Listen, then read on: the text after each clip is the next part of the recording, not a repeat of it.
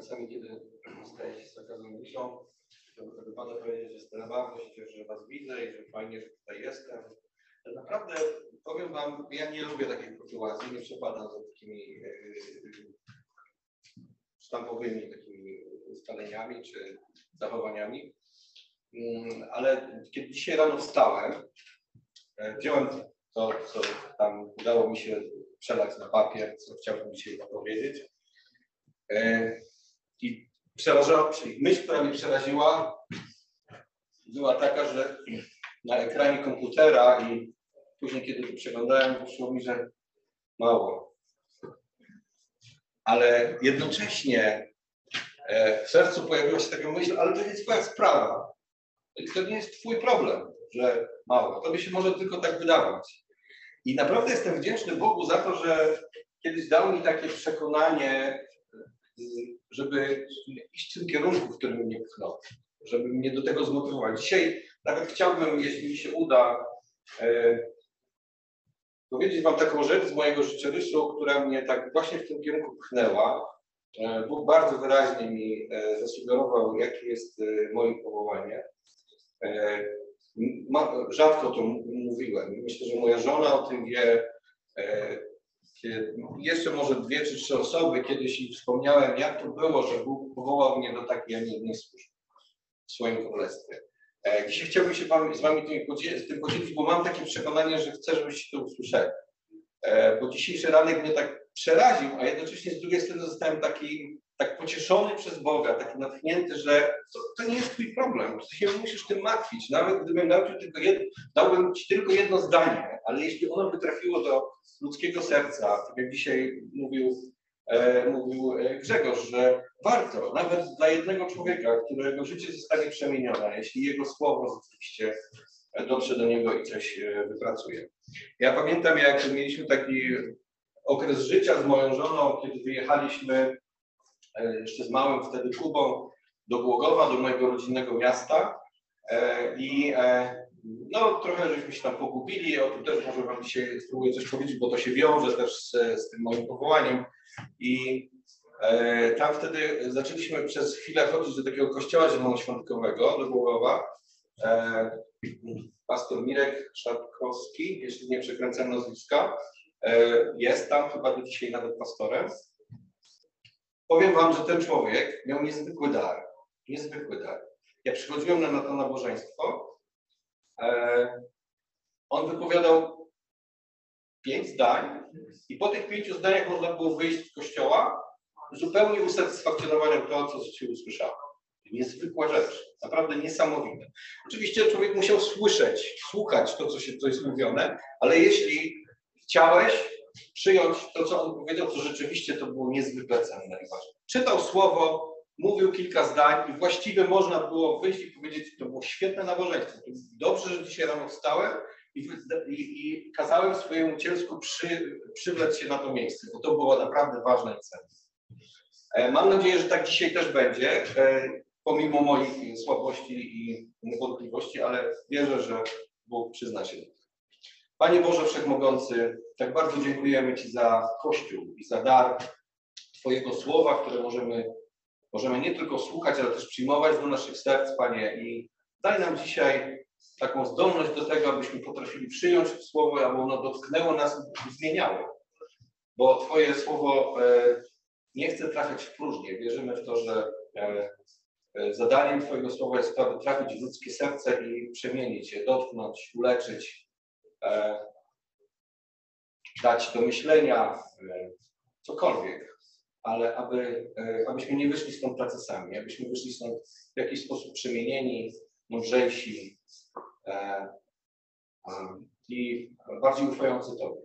Dzisiaj oddajemy Tobie cześć i chwałę i prosimy Cię o Twoje błogosławieństwo. Amen. Proszę otwórzcie Psalm 119 nie porzuciłem psalmu 119 od 29 wersetu. Ja przeczytam to z tego nowego tłumaczenia, ale później mam tutaj y, już teksty z, z dobrze nam znanej Brytyjki, ale te teksty są ze sobą absolutnie zbieżne. 29 werset do 32. Oddam ode mnie drogę kłamstwa Obdarz mnie łaskawie swoim prawem.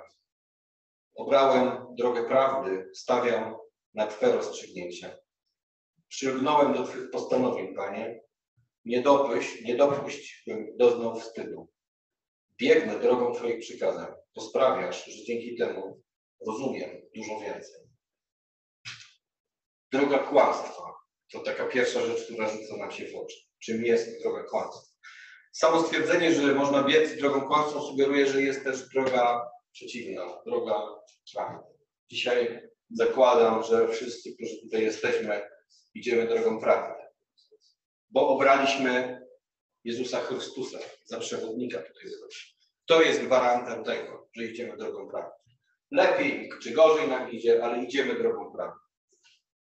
Na drodze kłamstwa, która też jest drogą, po prostu tej prawdy nie ma. To jest droga, na której króluje kłamstwo, która wiedzie na zatracenie, której nie, na której nie ma Jezusa Chrystusa, a nawet jeśli jest, to jest jednym z, tak? To jest jakąś namiastką tego, kim jest naprawdę. To też jest droga kłamstwa. Dlaczego tak mówię? Bo to brzmi tak radykalnie, no bo przecież jest mnóstwo ludzi na świecie, którzy uznają Jezusa Chrystusa, ale, i ciągle pojawia się to ale, ale, albo ja muszę jeszcze coś zrobić, albo muszę należeć do właściwego kościoła, albo muszę być, nie wiem, dobrym człowiekiem, żyć świętym życiem, albo przed śmiercią wyznać wszystkie swoje grzechy i wtedy jest jakaś szansa, albo też po śmierci zapłacę za to wszystko i dopiero wtedy, jeśli zostanę oczyszczony, pójdę do nieba. To się też ma swoją nazwę w teologii pewnego kościoła. E, wszędzie tam, gdzie oprócz Jezusa Chrystusa pojawiają się inni, inne rzeczy, inne sposoby, niestety musimy to, niestety, niestety musimy to nazwać drogą, drogą kłamstwa. Drogą kłamstwa. Psalmista mówi, oddal ode mnie drogę kłamstwa. Oddal ode mnie drogę kłamstwa i ucz mnie łaskawie zakonów tego. Jest to radykalne to, co mówię, ale sam Jezus przecież był radykałem. Sam Jezus nie był wcale liberalny. Ani do, ani do swoich uczniów, ani do faryzeuszów. Generalnie Jezus mówił słowa, które wzbudzały w niektórych złość, niektórych łamały, łamały im serca, tak? I wtedy zostawali uczniami albo szli za Jezusem. Ale w większości przypadków było tak, że to ludzi dotykało w taki negatywny sposób. I do dzisiaj jest tak, że jeśli nasza mowa jest tak, tak i nie, nie, tak jak to Jezus powiedział, jeśli nie ma tej strefy szarości, to będziemy wzbudzać kontrowersje. Tak samo jak Jezus. Jezus też wzbudzał kontrowersje. Kiedy mówił prawdę, prawda, która jest, e, prawda, która jest czysta sama w sobie, ona tam, gdzie kontaktuje się z grzechem, z obłudą, ona zawsze będzie wzbudzać taki, taki sprzeciw, będzie wzbudzać kontrowersje. Mateusza 7, 13 do 14 zacytujemy tu słowa naszego Pana Jezusa Chrystusa. Wchodźcie przez ciasną bramę, albowiem szeroka jest brama i przestronna droga, która wiedzie na zatracenie. A wielu jest takich, którzy przez nią wchodzą. Ciasna jest brama i wąska droga, która prowadzi do żywota. Niewielu jest tych, którzy ją znajdują. Wydaje się, że Jezus mówi tutaj o dwóch drogach, o dwóch bramach, o dwóch drogach. I mówi, jest trzecia, jest jeszcze trzecie wyjście. I myślę, że Jezus nie dopuszczał tego, że może być jakieś trzecie wyjście. I to jest dokładnie to, o czym dzisiaj mówimy. Nie ma drogi, która jest po remoncie, możecie spróbować sobie nią pójść. Może nie będzie zawsze łatwo, ale będzie łatwiej niż tą wąską i wyboistą. Spróbujcie jeszcze ten. Jezus tak nie mówił, nawet nie sugerował tego. Po prostu mówił, idźcie tą ciasną, wchodźcie przez tą ciasną bramę, idźcie tą trudniejszą drogą, bo ona wiedzie do żywota. Szeroka jest brama i wygodna jest droga, która wiedzie na zatracenie. Idzie nią wielu, ale wy nią tą drogą nie idźcie.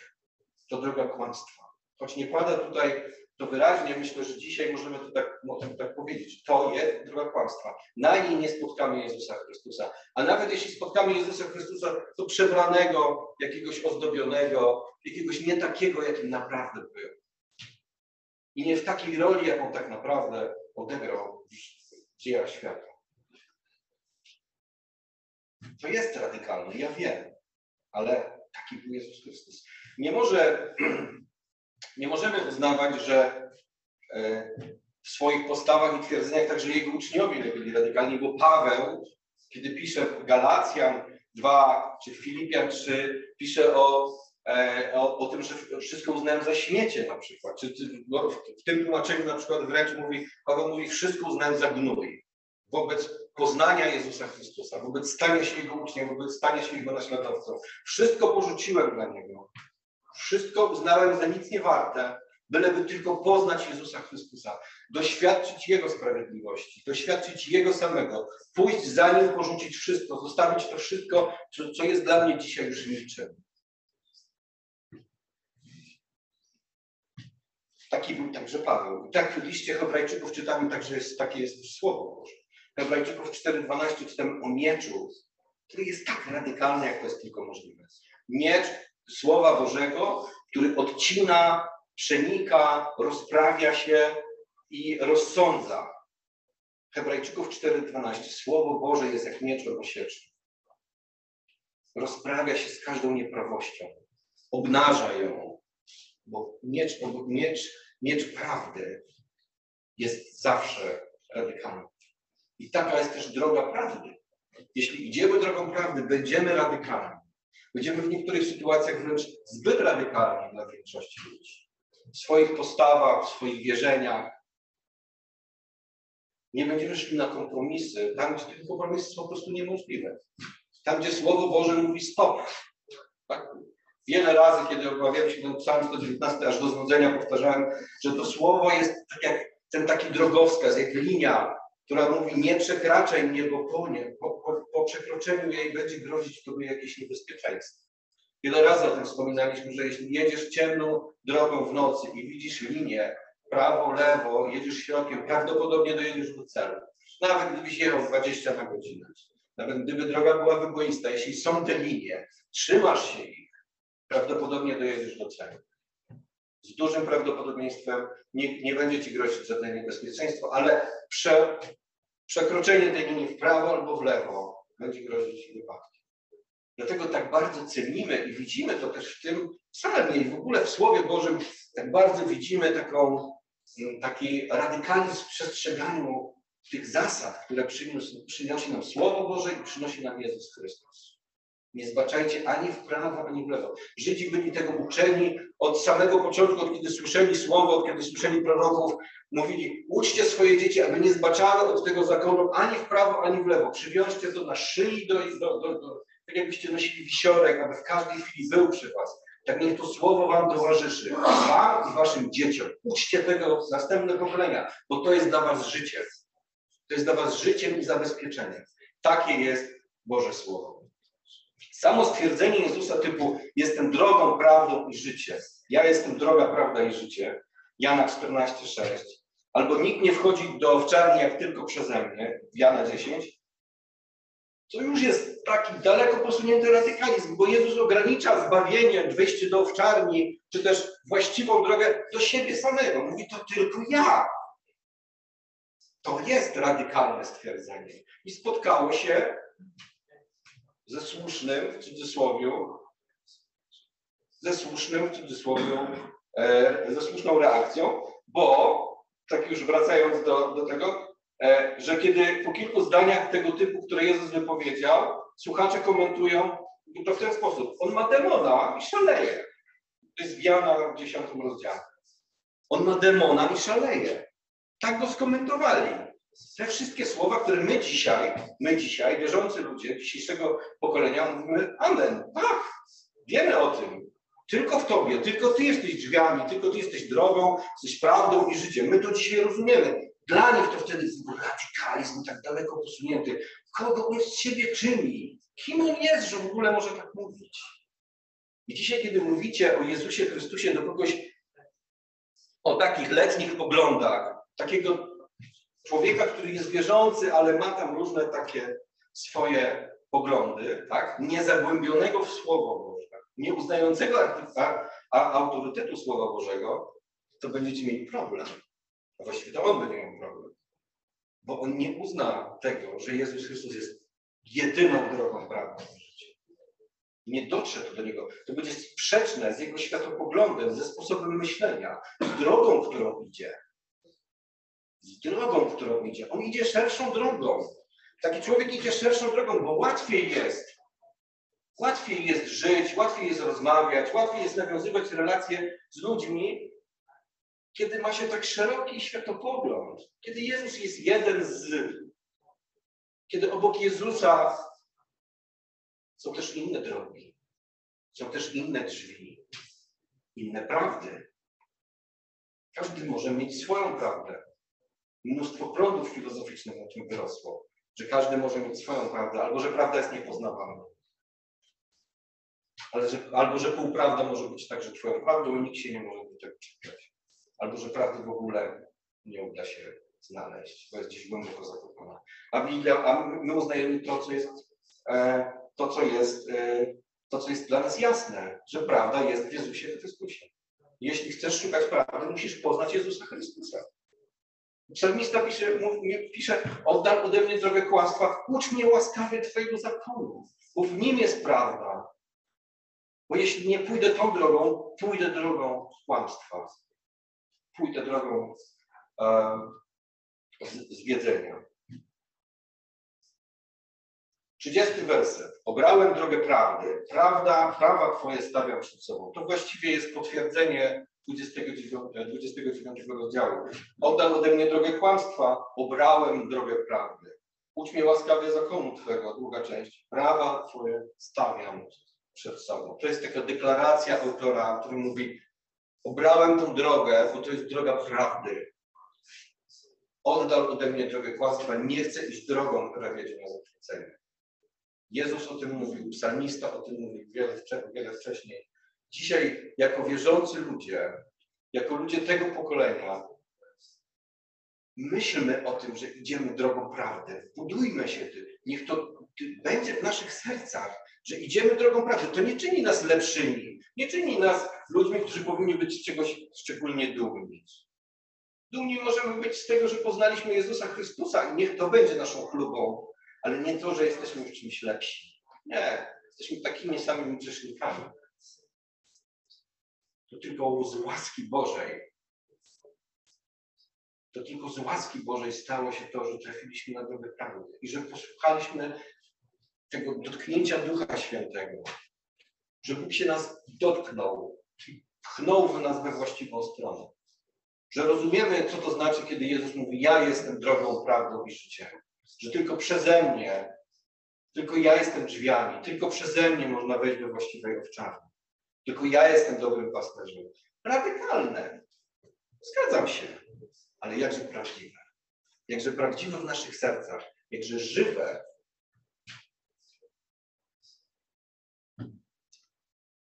kiedy psalmista mówi, że prawa Twoje stawiam przed sobą, to znaczy, że deklaruje, że prawo Boże jest nadrzędne, ważniejsze niż jego uczucia, emocje, myśli, pragnienia. Prawo Boże jest nadrzędne. Wręcz jeśli bym chciał całym sobą myśleć inaczej, to biorę to słowo, stawiam je przed sobą i mówię, tu jest prawda, nie tu. Tu jest prawda. Moje serce jest zwodnicze, mój umysł może zbłądzić, może ulec złym wpływom, ale tu jest prawda. Ja wiem, że to jest mało popularne dzisiaj. I że, i że wielu osób, wiele osób kiwałoby głową w ten sposób, że to nieprawda, ale wiemy to, bo to się sprawdziło w naszym życiu. Doświadczalnie sprawdziliśmy to, że to tak działa. Jeśli trzymasz się tego słowa, trzymasz się swojego wyznania wiary, Jezusa Chrystusa i, i tego, co On powiedział, to to zadziała w Twoim życiu. To to zadziała w Twoim życiu. 31 werset. Przylgnąłem do świadectw Twoich, Panie, i nie dopuść, bym doznał wstydu. To słowo przylgnąłem, na tym się tak troszeczkę skupiłem. Okazuje się, że to słowo przylgnąłem nie oznacza takiego takiego przylgnięcia, jakbym się przytulił na chwilę do kogoś, objął kogoś, nie wiem, złapał za rękę. To jest takie chwilowe tylko, tak? No nie można tak żyć, tak cały czas tak kimś albo za rękę całe życie. Tego się nie da zrobić. Ale to słowo przylgnąłem oznacza takie przykleiłem się, tak? Nie każdy z nas u, u, używał kiedyś kropelki, nie? Wiecie, co to znaczy, jak złapać dwa paluszki, nie? Albo złapiemy się do czegoś, tak? Kropelką jest problem, tak?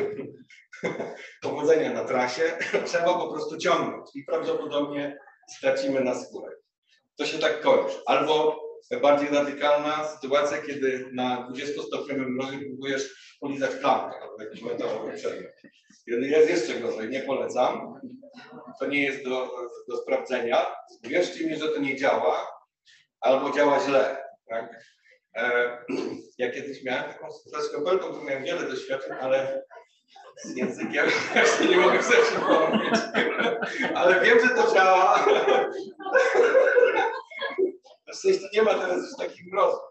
Ale na pięciostopniowym też nie próbujcie, bo nie wiem, co się stanie. Tak czy owak, to słowo oznacza, to słowo oznacza właśnie takie przyglęgnięcie na stałe. Okay? Takie przyklejenie się. E, taki, to nie ma takiego wymiaru chwilowego, tylko taki wymiar wieloczasowy, tak? taki, taki wieczny, można by było powiedzieć w naszym, w naszym języku. E, to chodzi, innymi słowy, to chodzi o wybór na całe życie. Tak? Wybór na całe życie. Przylgnąłem do Twoich świadectw, przylgnąłem do Twojego słowa, przylgnąłem do Twojego zakonu. Nie dopuść, bym doznał wstydu. Taka prośba do Boga, jestem, należę do Ciebie, jesteśmy jakby jedno. Ty przytuliłeś mnie do siebie, ja się na to zgadzam, jesteśmy razem. Nie dopuść, Panie, aby to przyniosło mi kiedykolwiek wstyd. Chcę być dumny z tego, kim jestem dzisiaj. Chcę być, e, chcę być z Tobą przez całe życie, bo to jest decyzja mojego serca. Przykleiłem się do Ciebie e, i nie, nie, nie dopuść Panie, abym kiedykolwiek miał z tego zrezygnować. Tutaj chodzi o wybór na całe życie. To jest tak trochę, ja kiedyś tak słyszałem takie, e, takie, takie porównanie, że do, do, do kiedy chłopak z dziewczyną chodzą ze sobą nawet jeśli są narzeczonymi, no to sobie mogą tam chodzić za rączkę, tego tak Tomek, jak to tak wygląda teraz. E, I e, chodzą sobie, jest fajnie, super, ale to jest tak, że oboje wiedzą gdzieś tam w podświadomości, że to nie jest jeszcze ostateczny cel ich bycia razem, że jest jeszcze jeden krok. Jakże ważny. Co? Chcesz coś powiedzieć? E, I on jest kluczowy w tym wszystkim. I on jest kluczowy w tym wszystkim że narzeczeństwo to jest tak jakby rzeczywiście tak jakby przytulić kogoś, wziąć za rękę i to ma charakter w pewnym sensie czasowy, bo narzeczeństwo to nie jest jeszcze małżeństwo. Ale przychodzi moment, w którym oboje któregoś dnia mówią, robimy to na stałe, przypieczętujemy. Zawołamy świadków, gości, pastora, czy kogoś tam jeszcze innego. Ktoś, kto będzie prowadził uroczystą ceremonię i przed ludźmi, i przed Bogiem złożymy świadectwo i przysięgę. I podpiszą się pod tym inni ludzie, ktoś przystawi pieczątkę, wszyscy będą się cieszyć, bić brawo, a my będziemy już sobą do końca naszych dni. Ja wiem, że to w świecie dzisiaj czasami trwa rok, dwa, czasami pięć i różnie z tym bywa, ale założenie jest inne. Założenie jest takie, że kiedy przykładasz rękę do tego pługa, to zostajesz w nim do końca życia. To jest może złe porównanie, ale to biblijne porównanie. E, ale, ale to jest coś, co, co deklarujesz, deklarujesz to na całe życie. Tak? Przed ludźmi, przed świadkami, przed, e, przed Bogiem, podpisujesz dokumenty i mówisz tak, ja chcę, żeby to trwało do końca moich dni. Chcę z tą kobietą, z tym mężczyzną zestarzeć się, tak, dożyć końca moich dni. Sprawdziliśmy, byliśmy narzeczeństwem, pasujemy do siebie, kochamy się, chcemy żyć ze sobą e, już na stałe, tak, tworząc małżeństwo i, e, i przekazując życie dalej. W Łukasza 9,57 9,57. Ja chciałbym, żebyśmy tam otworzyli. Tam jest taki, e, tam jest taki e, werset, który mnie zawsze tak naprawdę mocno dotyka. Są słowa, które powiedział Piotr do Jezusa. 9,57. Gdy tak zdążali drogą, ktoś do niego powiedział, będę ci towarzyszył dokądkolwiek się udasz. A Jezus mu odpowiedział, Lisy mają nory, a ptaki gniazda, ale syn człowieczy nie ma, gdzie by skłonić głowę. Potem wezwał drugiego. Chodź za mną. A on na to, panie, a na to, panie, pozwól mi najpierw odejść i pogrzebać mojego ojca. Wtedy Jezus powiedział, że panie umarły, zostaw umarłym. Ty natomiast idź i, i rozgłaszaj Królestwo Boże. Odezwał się jeszcze inny. Pójdę za tobą, panie, najpierw, jednak pozwól mi pożegnać się z moimi bliskimi. Temu Jezus powiedział, ten, kto przyłoży rękę do Boga, a ogląda się za siebie, nie nadaje się do Królestwa Bożego. I tak niestety czasami też bywa, że, e, że jeśli chcesz iść za Jezusem, to musisz zawrzeć to małżeństwo. Jeśli chcesz skutecznie żyć w Królestwie Bożym, to musisz zawrzeć to małżeństwo. Czasami mówi się, że chrzest jest takim znakiem zewnętrznym, w którym wierzący człowiek kończy ten okres narzeczeństwa z Bogiem i na poważnie mówi Bogu, tak, chrzczę się, nie wiem, po raz drugi niech będzie, albo chrzczę się w świadomym wieku, po to, żeby świadomie dzisiaj zadeklarować, że jestem po Twojej stronie i że idę drogą prawdy, że rezygnuję z drogi kłamstwa, że Twoje dzieło w moim życiu, zapoczątkowane jakiś czas temu, wydało owoc dzisiaj mojej deklaracji, że stajemy się jednym. Okay? Jaki jest najsmutniejszy werset w Biblii? Czy kiedyś słyszeliście? No, nie wiem. E, najsmutniejszy werset Biblii. Fajnie, że nie wiecie. Ja mogę wam powiedzieć. Zabiorę Mateuszowi to, to moją przyjemność. Jana 6,66. Bardzo znamienna liczba zresztą. Nie, ja nie jestem, nie, nie, nie przypadam za e, bawieniem się w, liczb, liczbami, ale to jest Jana 6 rozdział 66 werset. Od tej chwili wielu uczniów jego zawróciło i już z nim nie chodziło. Mówią, że to jest najsmutniejszy werset Biblii. Od tej chwili wielu uczniów jego zawróciło i już z nim nie chodziło. Wtedy, czytając dalej, wtedy Jezus rzekł do dwunastu, czy i wy chcecie odejść? Odpowiedział mu Szymon Piotr, Panie, do kogo pójdziemy? Ty masz słowa żywota wiecznego. Ten werset naprawdę tak ro, ro, roz, roz, roz, jak to powiedzieć, nie roz, jak się coś rozpuszcza, to jak to jest. Rozpływa się moje serce, tak to powiedzmy. Że moje serce się rozpływa, jak słyszę te słowa Piotra, do kogo pójdziemy? Ten facet miał żonę pewnie, jakieś dzieci, tak? No Piotr na pewno miał żonę, bo miał i teściową. Wiemy o tym.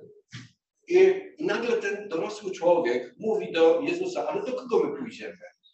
Mógł powiedzieć, no wiesz, no muszę wrócić do rodziny, no muszę się o nich jakoś zatroszczyć. No zakładamy, że tam wtedy, w tamtych czasach, nawet jeśli mężczyzna odchodził do jakiejś innej służby, czy musiał gdzieś wjechać, to tam te rodziny trzymały się razem i oni się opiekowali sobie nawzajem. Ale mimo wszystko, zobaczcie, jaka siła w tym powołaniu, które Jezus miał dla tych ludzi. Piotr, dorosły człowiek, rybak, mówi, ale do kogo my pójdziemy? Przecież to Ty masz słowa życia wiecznego. To, to, to jaką, jaką mamy alternatywę? Jakie mamy wyjście? Jaka siła, tak? W powołaniu Jezusa. Tak, tak jak Mateusza po prostu ściągnął z ulicy poborcę podatkowego. Chodź za mną, tu, poszedł. Tak? Ja czasami myślę o tym, jak on powoływał tych ludzi. Chodźcie, uczynię, uczynię was rybakami ludzi. I porzucili sieci i poszli. Nie wiem, jak to, nie wiem, jak to jest możliwe. Naprawdę, dla mnie to jest nadprzyrodzone działanie Boga w tych, w tych ludziach. Wyobraźcie sobie, że dzisiaj pojawia się ktoś i zgarnia kogoś z ulicy mówi, chodźcie za mną,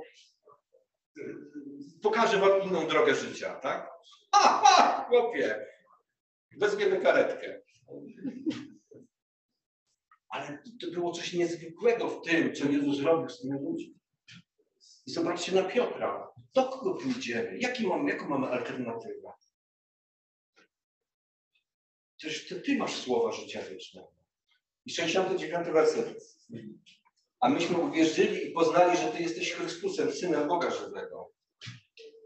I myśmy uwierzyli i poznali. I to jest warte tego, aby pójść do Tobą. Porzucić wszystko, bez względu na cenę. Pójść drogą prawdy, bo Ty jesteś drogą prawdą i życiem. On uczynił swoje. Naszym zadaniem jest wytrwać, trwać w nim, iść tą drogą. Będzie nam szło różnie. Lepiej, gorzej, z zakrętami. Idziemy po wyboistej drodze.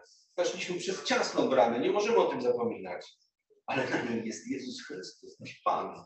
On nam towarzyszy, będzie nas wspierał w tym. Kolosan 2, 13, 14 to jest ten niezwykły werset. I was, którzy umarliście w grzechach i nieobrzezanym ciele waszym, wespół, z nim ożywił, odpuściwszy nam wszystkie grzechy, wymazał obciążający nas list dłużny, który się zwracał przeciwko nam ze swoimi wymaganiami usunął go, przybiwszy do do krzyża.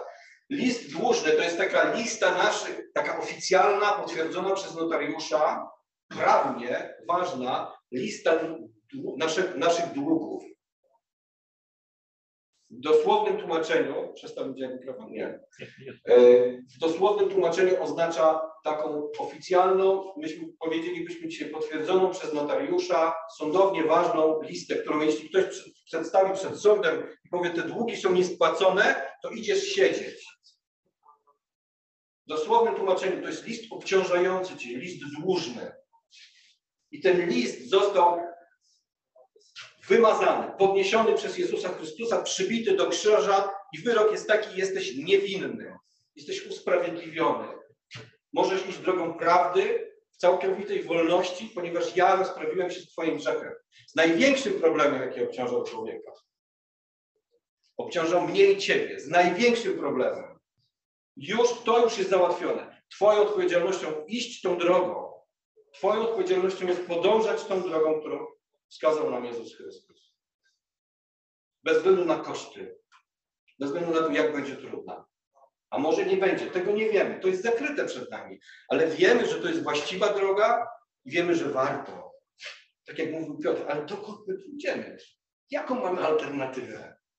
To ty masz słowa życia wiecznego. Filipian 3, 13 do 16 czytamy. Bracia, ja o sobie samym nie myślę, że pochwyciłem, ale jedno czynię. Zapominając o tym, co za mną i zdążając do tego, co przede mną. Zmierzam do celu, do nagrody w górze, do której zostałem powołany przez Boga w Chrystusie Jezusie. Ilu nas wtedy jest doskonałych? Wszyscy tak myślmy. A jeśli o czymś inaczej myślicie, i to wam Bóg objawi. I teraz ostatnie zdanie. Tylko trwajmy, tylko trwajmy w tym, co już osiągnęliśmy. Tylko trwajmy w tym, co już osiągnęliśmy. I to jest klucz. Trwajmy w tym, co już osiągnęliśmy. I prośmy Boga, aby nam dał siły do podążania tą drogą. Czemu ja tutaj jestem? Teraz chcę Wam powiedzieć, czemu ja tutaj jestem.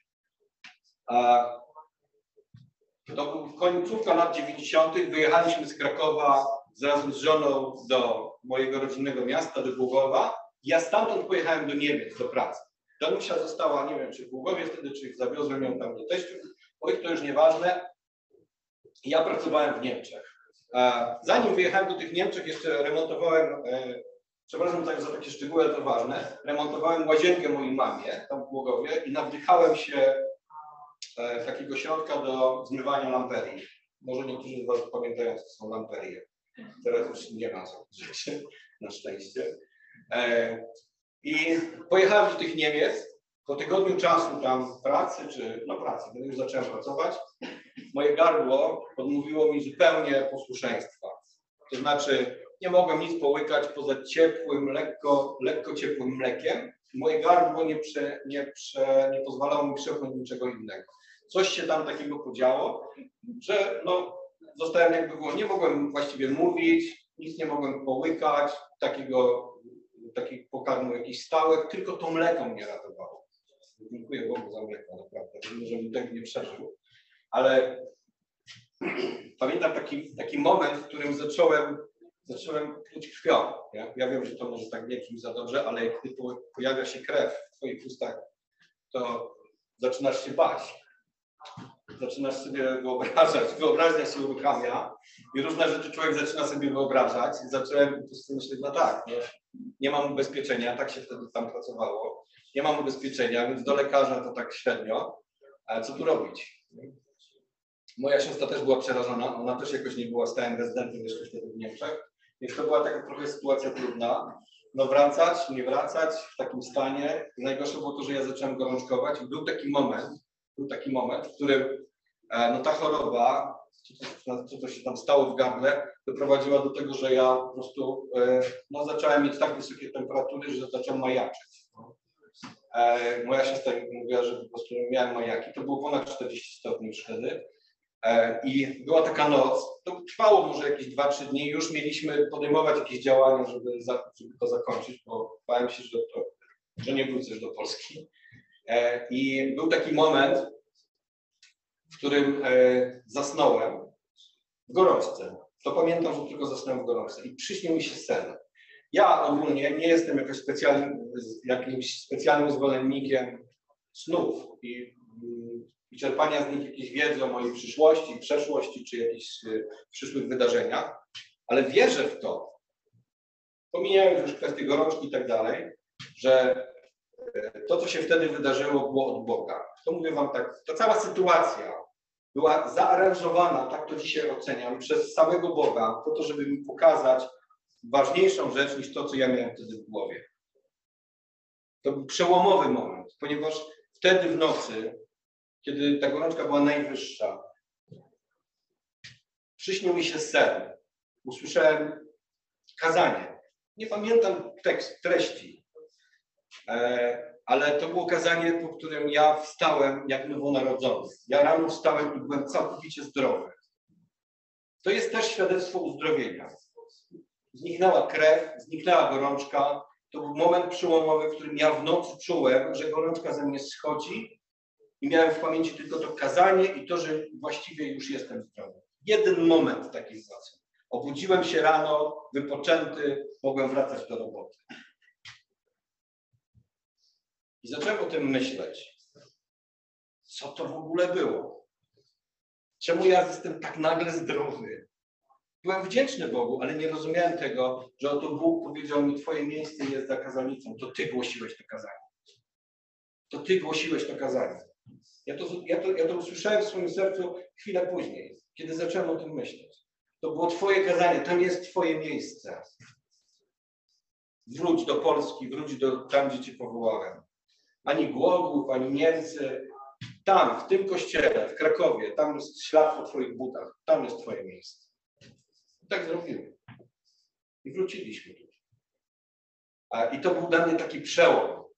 Ten sen, ta cała sytuacja, ta choroba pokazała mi, że Bóg chce mnie widzieć na tej drodze, a nie innej. W takim miejscu, a nie w innym.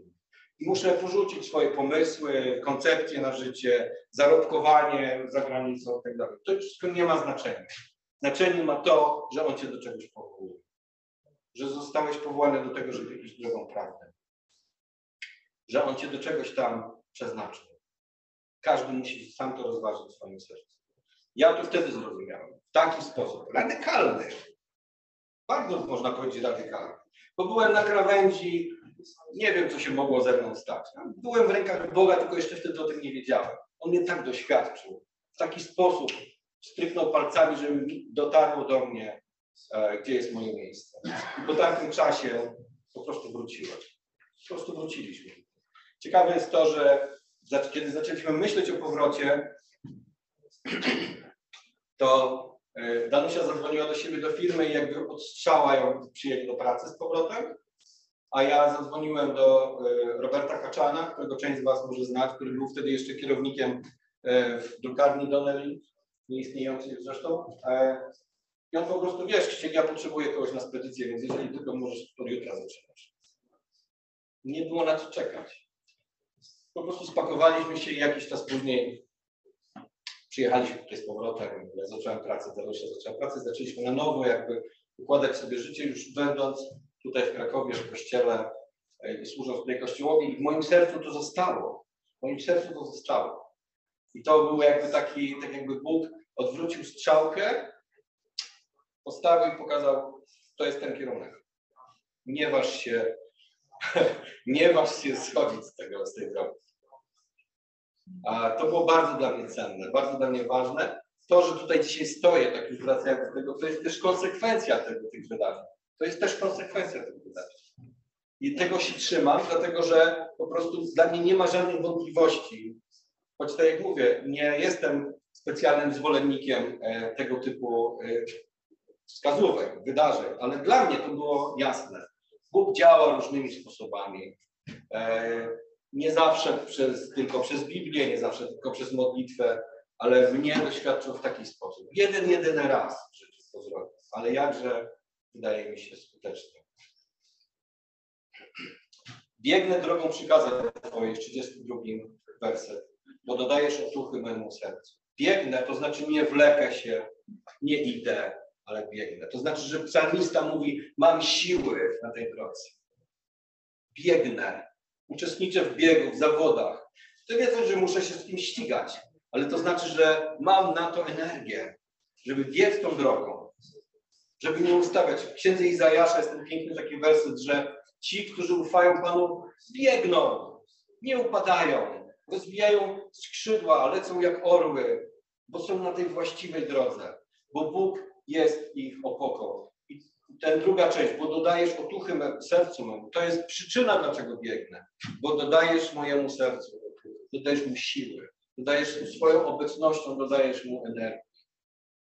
To jest to, dlaczego biegnę. Nie dlatego, że jestem taki wysportowany, że jestem taki figofago, jak się mówi. Ja po prostu biegnę dlatego, że to Ty dodajesz mi otuchy. Że Ty jesteś tym, który mnie podtrzymuje. To Ty sprawiasz, że mam te skrzydła, że mam te siły, że mam te zdrowe nogi do, do, do, do biegu. Paweł zresztą pisał w dziejach apostolskich. E, to nie jest chyba dzieje Lecz o życiu moim mówić nie warto i nie przywiązuję do niego wagi, bylebym tylko dokonał me, biegu mego i służył, którą przyjął Pana Jezusa, żeby składać świadectwo Ewangelii Bożej. I w, w drugim Tymoteusza pisze, dobry bój bojowałem, biegu dokonałem, wiarę zachowałem. Takie są realia. Paweł też brał udział w zawodach. Paweł też porównywał swoje życie do takiego biegu, do, do, do biegu, który ma cel, który ma sens.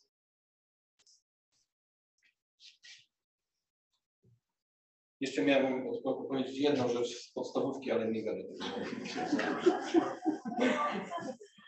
Chcę pomodlić się teraz o to słowo, ale też Kasia przed wyjściem powiedziała mi, że e, żeby prosiła też o modlitwę o Magdę Bieg, która jest znowu w ciężkim stanie coś tam się pogorszyło i stanem zdrowia, więc też pozwólcie, że w tej modlitwie pomodliliście też o. Dobry Panie Boże, tak prosimy Cię, aby w swojej łaskawości a, pozwolił nam zachować to słowo w naszych sercach. Pobłogosław i daj tym, którzy mieli je usłyszeć, e, właściwe myśli, dobre myśli, jasne myśli o tym. Panie, dziękuję Ci za Twoją wierność, za Twoją miłość, za Twoje pouczenie i za to, że jestem tu, gdzie jestem, Panie. Za to, że a, tak a, jesteś wierny w tym wszystkim, e, co obiecałeś, co postanowiłeś. Dziękuję Ci za Twoją drogę. E, za to, że Ty jesteś tą drogą prawdą w życie i za prawdę, którą znajdujemy na tej drodze, Panie. Za siłę do tej drogi, Panie, do tego biegu, do tych zawodów. Daj nam je wszystkim, Panie. My potrzebujemy i potrzebujemy Twojego wsparcia, Twojego duchy, pocieszenia. Dzisiaj chcę błogosławić e, także Magdę Bieg, Panie, która choruje, naszą siostrę. Błogosławimy ją w świętym imieniu Jezusa Chrystusa. Proszę Cię, Panie, o pociechę dla niej, o zdrowie, o, o to, aby się podniósł, uzdrowił, Panie. A jeśli to jest możliwe, jeśli my możemy się w jakiś sposób przyczynić do pomocy dla niej, daj nam też takie przekonanie. Błogosławimy ją i e, całą rodzinę, Panie, i prosimy Cię, Boże Wszechmogący, abyś tak w szczególny sposób dotykał się jej ciała, aby doszła do siebie, została zdrowiona, pomimo tego, że po ludzku może to wyglądać bardzo źle, ale ona jest w Twoich rękach uwierzyć. I dzisiaj stawiamy się za nią, błogosławimy ją w świętym imieniu Jezusa Chrystusa. Amen.